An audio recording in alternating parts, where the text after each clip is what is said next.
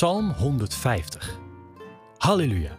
Zing voor God in zijn heilige tempel. Zing voor Hem in zijn hemels paleis. Zing voor Hem, want Hij doet wonderen. Zing voor Hem, want groot is Zijn macht. Zing voor Hem. Klap in je handen en dans. Zing voor Hem en maak muziek. Speel op harpen en op fluiten, speel op trommels en trompetten. Dank Hem met alle instrumenten. Alles wat leeft, zing voor de Heer. Halleluja.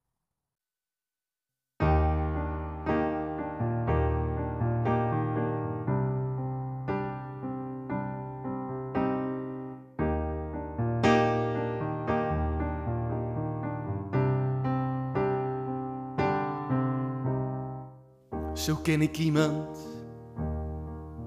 die verliest maar altijd wint. Zo ken ik iemand krijgt en alles geeft.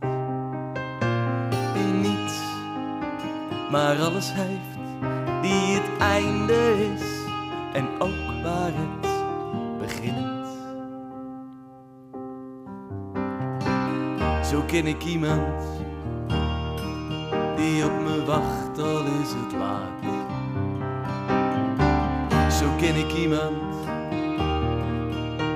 het vuur brandt als ik slaap, die zich breekt tot ieder heeft, die vooruit gaat tot het water is gezakt. Zo ken ik iemand nooit tot, maar altijd met. Zo ken ik iemand, in de winternacht. Zo ken ik iemand, die de weg is en ook weet. Zo ken ik iemand.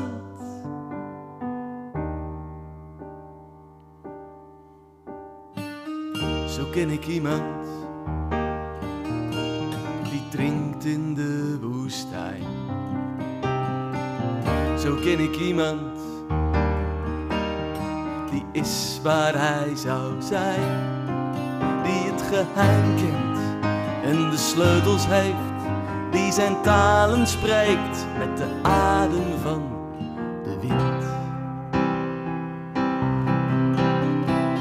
Zo ken ik iemand, nooit tot, maar altijd met. Zo ken ik iemand, midden in de winternacht. Zo ken ik iemand, die de weg is en ook weet. Zo ken ik iemand.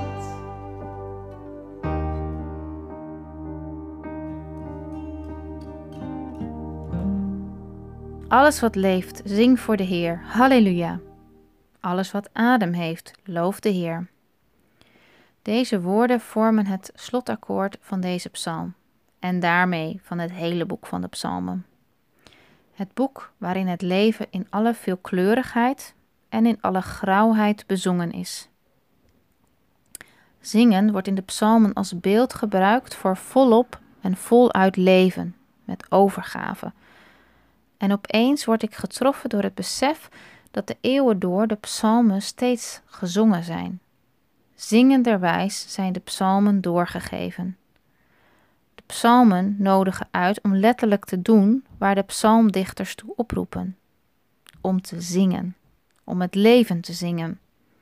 Dat gebeurde in de tempel, dat gebeurde in de kloosters, dat deden de reformatoren met het Geneefse psalter, in de Anglikaanse kerk in de Choral Evensongs, in talloze psalmbewerkingen en zettingen die dichters, zangers en zieners steeds weer maken. Wat heb je nodig om te zingen? Adem, bewegende lucht. Dat is waar het leven mee begint, waar de Bijbel in het boek Genesis mee begint. God blies de mens, Adam, levensadem in de neus. Adem. Dat is waar het boek van de Psalmen ook mee eindigt. Alles wat adem heeft, looft de Heer. Lucht. Dat wat je niet kan zien, alleen kan voelen en horen. Levensadem. De adem in je longen. De lucht die langs je huid streelt.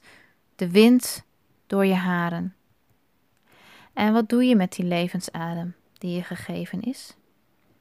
De psalmdichter heeft er een kort en krachtig antwoord op: God loven. In andere vertalingen begint elke zin in deze psalm met Loof God. Waar? In de tempel. Maar niet alleen op heilige plaatsen, maar overal op aarde. Maakt niet uit waar je bent. Waarom? Om Gods grote daden te bezingen. De dichter vertelt nu niet meer welke grote daden dat dan zijn. Dat is al bezongen in al die psalmen die hiervoor kwamen. Maar als ik het voor mezelf probeer te verstaan, dan denk ik aan God als de mogelijkheid dat het leven totaal anders kan zijn dan dat we kunnen denken, vermoeden, hopen.